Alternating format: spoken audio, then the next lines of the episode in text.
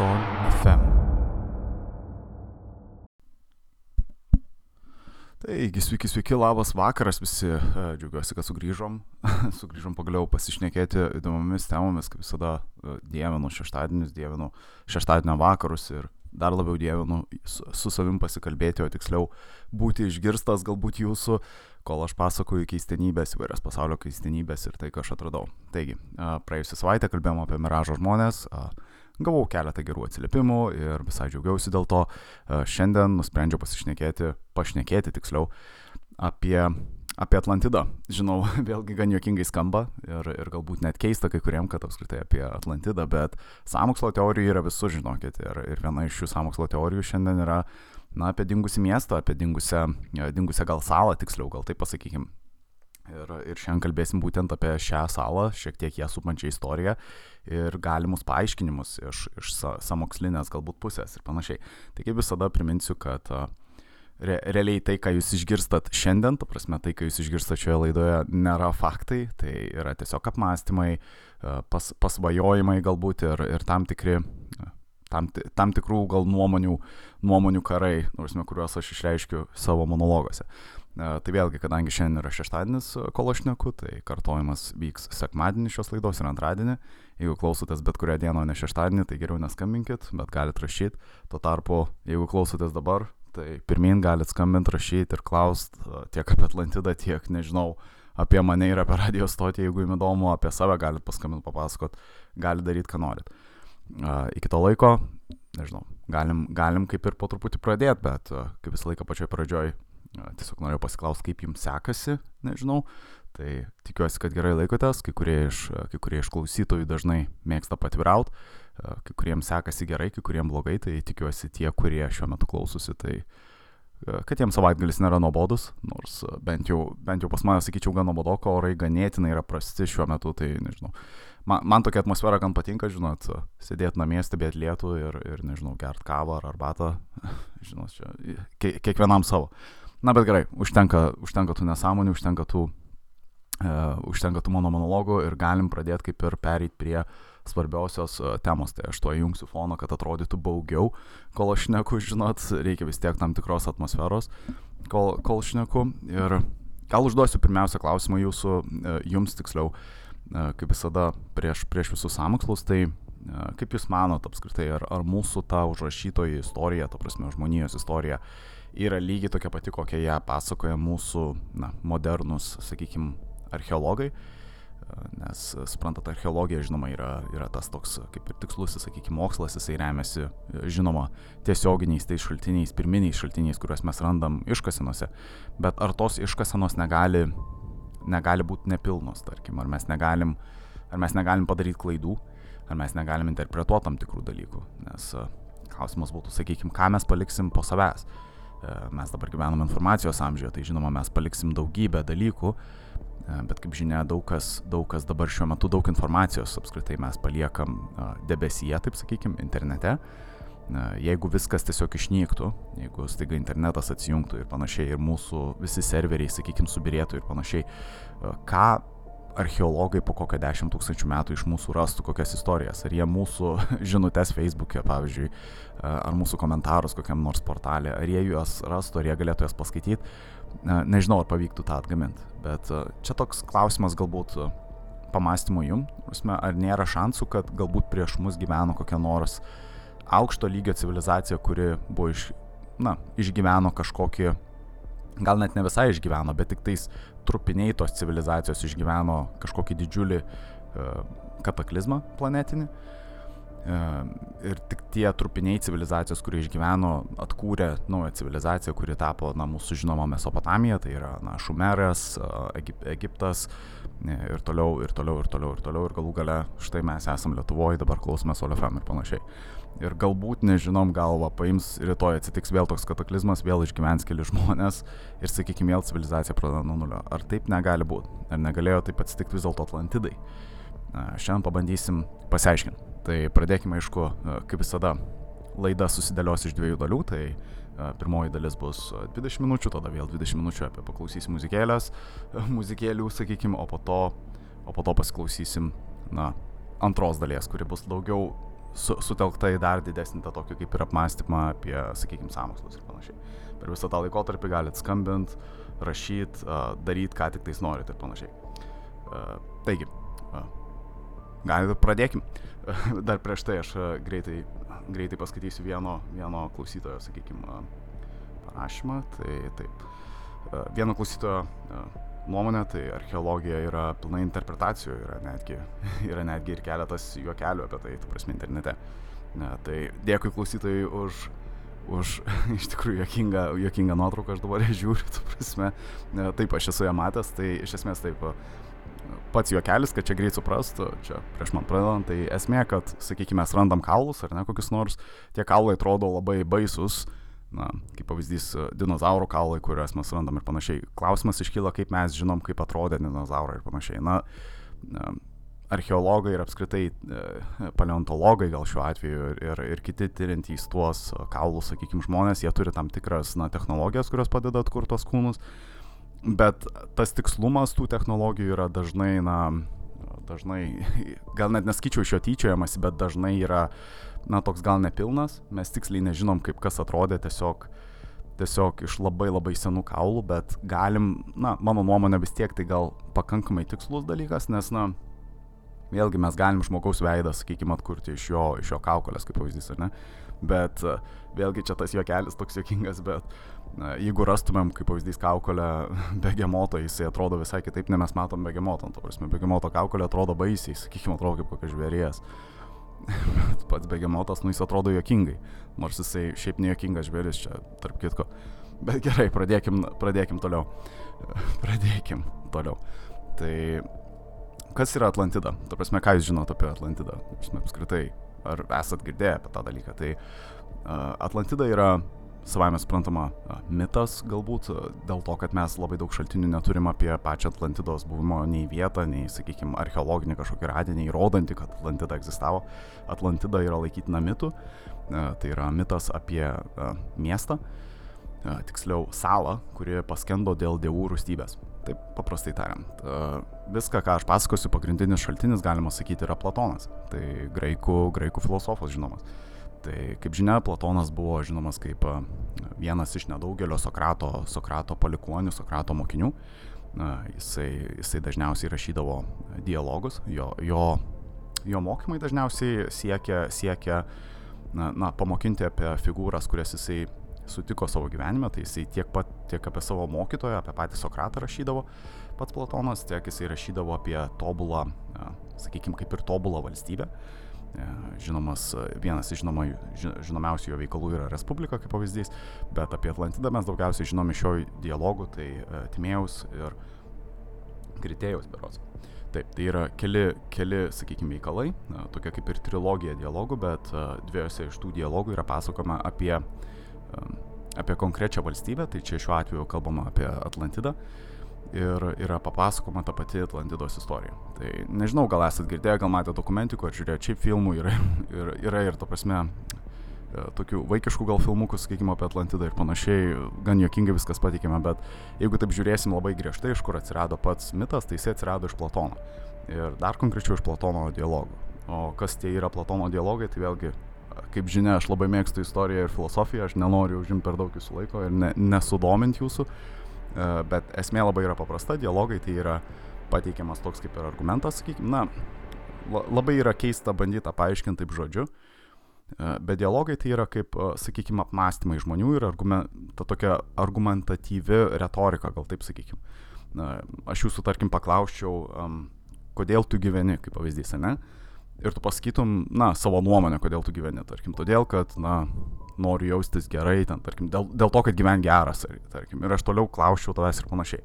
Tai ką mes darom, tai mes naudojam tą tokį kaip ir sokratinį metodą, tai mes, mes aiškinamės per dialogą ir iš to dialogo trečiasis asmo gali, na, tas, kuris klausosi mūsų, sakykime, bet diskutuojančių apie tą, apie tą, tuo klausimu, apie tai, kodėl tu gyvenime, tas trečiasis asmo gali suprasti, na, kokia yra esmė. Nu, ta prasme, jis atranda teisybę pas save. Tai čia tokia būdavo daugiau esmė, kaip mokino Sokratas, Platonas, Aristotelis, e, sakykime, na, tie senoviniai graikų, e, graikų filosofai. Todėl, kai skaitai, sakykime, Platoną, atrodo labai keista jų tie dialogai ir kaip jie yra aprašyti. todėl va tokia ir yra esmė, kad labai yra sunku pasikliauti Platonu, nes Platono dialogai, jie atrodo, na, tiesiog kaip paprastos istorijos, kurios yra išgalvotos. Tai būtent jisai tose dialoguose papasakojo apie Atlantidą, jinai yra pasakoma kaip tas tobulas miestas, tarkim, kaip tu įsivaizduoji tobulą, tobulą valstybę, miestą. Ir Atlantida buvo apibūdinama kaip tas tobulas miestas, kuris egzistavo už, už Gibraltaro sąsiaurio. Tai kaip žinia, Atenai, ta prasme, senovės graikai, jie už Gibraltaro sąsiaurio na, visos civilizacijos už Gibraltaro sąsiaurio jiem atrodė tokios kaip labiau primityvios ir panašiai, bet jie šioje istorijoje, to prasme, Platonas bando paaiškinti, tiksliau per tos dialogus yra kalbama apie tą tokią civilizaciją, kuri egzistavo saloje, vienoje iš daugybės salų, berots dešimt, jeigu aš, ne, jeigu aš neklystu, prasme, kurios, kurios egzistavo už Gibraltaro sąsiaurio. Tai vėlgi mes jau turime tokią kaip ir istorijos dalį, kuri susijusi yra su Atlantidos buvimo vieta kaip žinia, yra sunku nustatyti tą pačią vietą, bet bent jau pati istorija kalba apie tą būtent Gibraltaro sąsiaurį ir kad turėtų būti už jo. Tai mes jau žinom, kad tai turėtų būti kažkur vandenyne. Tikriausiai Atlanto vandenyne bu, buvusi sala, kuri vėliau paskendo. Tai vėlgi pati apie pačią salą yra, na, pats mitas pasakoja, kad toje saloje gyveno, gyveno žmonės, kurie uh, realiai buvo, uh, realiai buvo tiesiogiai susijęs, sakykime, su dievais. Tai jie buvo dievų palikoniai vienas iš žymiausių dievų, tai Poseidonas buvo būtent tos salos, tos Atlantidos valdytojas, tuo tarpu buvo kitos salos, kurios egzistavo toliau nuo Atlantidos, kurios priklausė kitiem devam. Na, na, čia vėlgi tas mitas bando paaiškinti taip įdomiai, viską suskirsti, čia labai ilga iš tikrųjų istorija, jeigu aš bandyčiau viską išaiškinti, bet ta mitologija yra keistoka iš tikrųjų, bet esmė, kad pasaulis buvo suskirstytas, sakykime, ir, ir kiekvieni dievai pasirinko tam tikras vietovas, kurias norėtų valdyti. Poseidonas pasirinko Atlantidą, joje apgyvendino, sakykime, savo palikonis, kurie buvo tiesiogiai priklausantis, na, sakykime, nuo jo. Toje Atlantidoje gyveno, sakykime, labai tvirti, na, sakykime, tvirti, kieti, kieti, sakykime, žmonės, kareiviai ir, ir labai protingi dar be to žmonės, kurie, kurie kartu ir rinkosi savo karalius. Ir, ir taip, sakykime, pusdievių, pusdievių valdoma, valdoma valstybė, valdoma šalis kuri kartu buvo valdoma dar aukštesnio dievo, tai sakykime Poseidono. Ir, ir tai visa apibūdinama ta sala buvo būtent Atlanto vandeninė, kažkur Atlanto vandeninė. Ir kartu tame Atlanto vandeninė ta sala yra apibūdinama kaip tiesiog, na, kaip čia pasakius, tokia apskrita sala, kuri yra supama žiedų. Tai pabandykite įsivaizduoti, kaip tai turėtų atrodyti. Aš, aš vėlgi negaliu siūsti jums video, sakykime, pasakyti, kaip tai atrodo, bet na, tai tiesiog įsivaizduokite apvalę salą, kurioje kurią apsupa e, du ar trys žiedai. E, berots trys žiedai, jeigu aš, jeigu aš neklystu, nes yra kelios interpretacijos tos versijos, bet e, viena iš dažniausių yra būtent ta trijų žiedų teorija, sakykime, kad tai buvo centrinė sala, kurioje na, gyveno karalius, kaip pavyzdys, ir aplink tą karalių buvo trys žiedai. Ir, na, aplinkui ten būdavo tokios kaip upės ir panašiai. Na, labai, labai gražiai yra viskas pateikiama ir kaip tai atrodo. Uh, ir vėlgi, istorija tęsiasi tom, kad e, kažkada Atlantida na, užsimanė užvaldyti pasaulį, kažkas panašaus į tokio. Na, jie buvo labai tokie, pasidarė labiau gopšus žmonės, jie nusprendė, jie nusprendė užgrobti didžiąją dalį šalių esančių už Gibraltaro sąsiaurio nuo Atlanto vandenino, tai yra jie puolė, puolė įvairiausias šalis, sakykime, Italiją ir panašiai. Ir, ta prasme, viduržėme jūroje ir, ir žinoma, garbingiai Atenai šiuo atveju įveikė e, Atlantidą, Atlantidos e, karius. Ir kadangi tą karą pralaimėjo e, Atlantidos, Atlantidos pusė, jie, jie sugrįžo į savo salą ir jie, ir jie su tuo, dėl to nugalėjimo labai sunkiai jį išgyveno. Ir Poseidonas juos nusprendė nubausti, paskandino salą amžinai po vandeniu. Tai Platonas bando, na, tą tokį paaiškinti dalyką, kad kiekviena civilizacija turėtų siekti tokios kaip ir tobulybės, na, kiekviena civilizacija turėtų siekti tos, na, į karalio postą pasodintą tokį kaip filosofą, kaip pavyzdys, e, filosofą karalių to vadinamą, na, kartu ir, na, išmintingiausia iš visų žmonių, kad pati demokratija, sakykime, jinai turi tam tikrų trūkumų lygiai taip pat e, bando pa, pabrėžti Platonas. Ir, ir prie to paties, kad, na, iš esmės civilizacija, kuri pasiekė tą jau vos neaukščiausią tobulybės uh, tą jau ribą turėtų siekti nepasipūsti. Nes pasipūtus civilizacija dažniausiai sunkiausiai išgyvens tuo, tas netek, netektis, tas tokio kaip pralaimėjimą kare ir panašiai.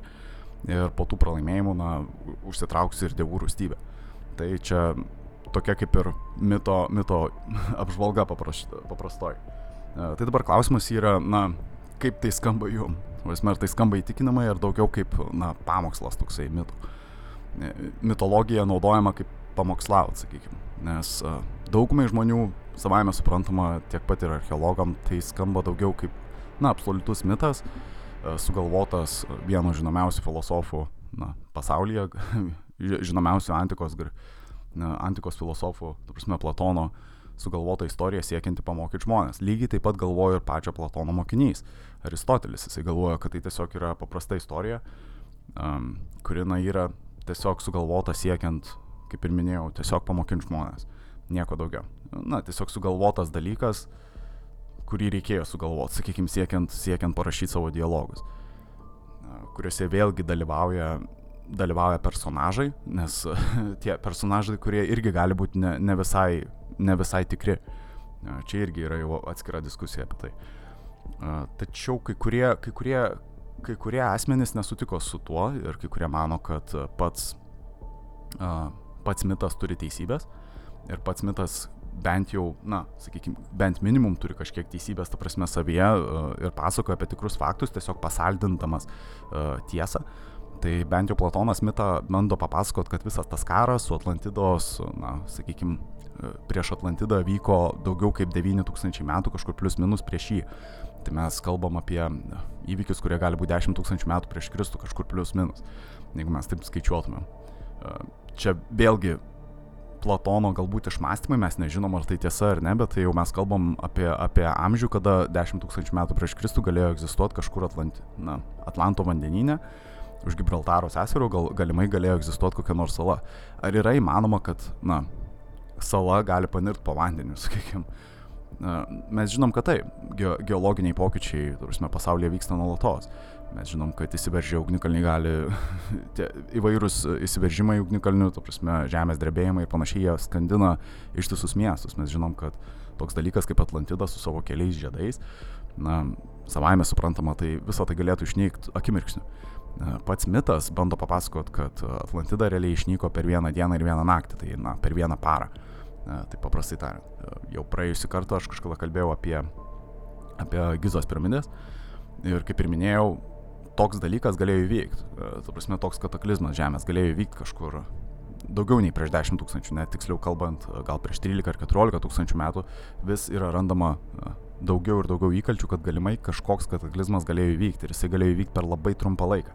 Tai yra uh, užšalusių ledynų, ta prasme, akimirksninis, uh, ta prasme, vos netobulas, sakykime, bet uh, labai greitas atšilimas, gal sakykime, Žemės paprasčiausiai sa saulės, saulės tokie vadinamieji blyksniai gali įvykti ir jie, ir jie čildo tiek sniegą, ta prasme viską jie gali atšildyti, ta prasme su, sukaupti, susikaupia daug vandens, ta prasme ištisos jūros, tvanai užpildo žemę ir panašiai.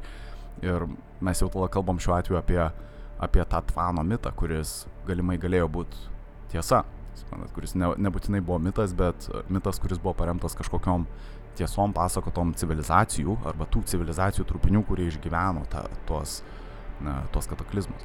Galbūt tai, tai ištiko ir Atlantidą. Ir jeigu, mes, ir jeigu mes tikėsim kažkiek Platono istorijomis, tai mes galvotumėm, na, suprastumėm, kad Atlantida buvo pasipūtusi valstybė, kuri galimai, na, pamiršo, kad Žemė paprasčiausiai yra bet kokiu, bet kokiu atveju gamta visada nugali, ta prasme, žmogų.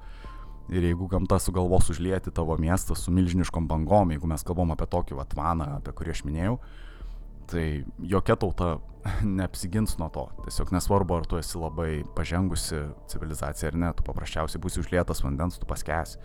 Na, tikėtina tik tais, kad civilizacijų trupiniai, kurie gyvena aukštai, aukštai ant kalnų, gal jie ir išgyvens, bet visi kiti jie tiesiog, na, išnyks. Tai čia, čia tokia yra ta samokslo teorija, kad galimai archeologai tų, to, tų dalykų nepastebi arba pasirenka nepastebėti. Arba bando paaiškinti per kitokius dalykus, kad čia paprasčiausiai, na, bet koks radinys, sakykime, gali būti nebūtinai Atlantida, o tiesiog natūrali povandeninė formacija. Ne, kaip pavyzdys, Baltijos jūroje buvo atrasta, atrasta tokia keista anomalija, ne, nežinau ar girdėjote ar ne, bet gelmėse Baltijos jūros buvo atrastas toks tokie keistai išra, išraižyti akmenys, kurie atrodė vos ne kaip nukritęs laivas, galima sakyti, ne, nemoku paaiškinti, nu, nukritęs net ne laivas, bet, na, kaip NSO, sakyk. Aišku, aš čia nebandau sakyti, kad čia buvo iš ko ateiviai ir panašiai, bet tai kaip tai atrodo, atrodė, na, tas pats, ta pati anomalija, jinai atrodo labai keistai, galite pamatyti tas nuotraukas internete, bet na, ne, nebandysiu to prikaišyti per daug.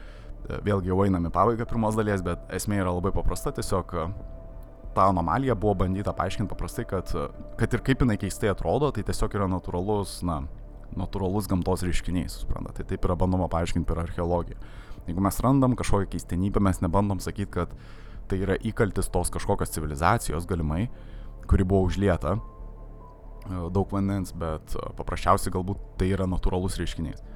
Ir, ir ar tai galėtų atsitikti mum, ne, ar nebijot tapti tiesiog natūraliu reiškiniu kada nors, kad tiesiog vieną dieną mūsų užlietų vanduo, archeologai po 10 tūkstančių metų rastų, kad ir mūsų, sakykime, mūsų smartphone'us, sakykime, rastų ir sakytų, kad čia tiesiog, na, tikėtina, kad čia yra natūralus, na, toks reiškinys galbūt, keista formacija tų ge, ge, geležiukų visokių ir panašiai, ir mikroschemų, ir čia, na, tiesiog netyčia buvo rastas toks dalykas. Na, juokinga, aišku, bet visi mes gal esam tik tais istorijos maža da, dalis. Bet vėlgi, Aš jau einu truputį, po truputį kaip ir į pirmos dalies pabaigą, aš matau, kad dar turiu daug ką jums papasakot. Ir per tą laiką, na, gal ir gerai, kad neskambinot, nes būtų, būčiau uždelsęs dar, dar labiau, bet gerai, gerai, netrukdau. Tai kol kas duosim paklausyti muzikos, plus minus 20 minučių ir aš sugrįšiu pas jūs. Uh, iki to laiko likit su Sol FM, tikiuosi, kad patinka, jeigu nepatinka ar patinka, nesvarbu, parašykit, per tą laiką paskaitysiu, pabandysiu atrašyti jums, uh, galite ir skambinti ir galim pakalbėti, o iki to laiko dar ir, kaip ir minėjau, atsipalaiduokit, su Solifam likit, nedarykit gėdos kitoms radio stotim. E, ir iki iki, laukim toliau.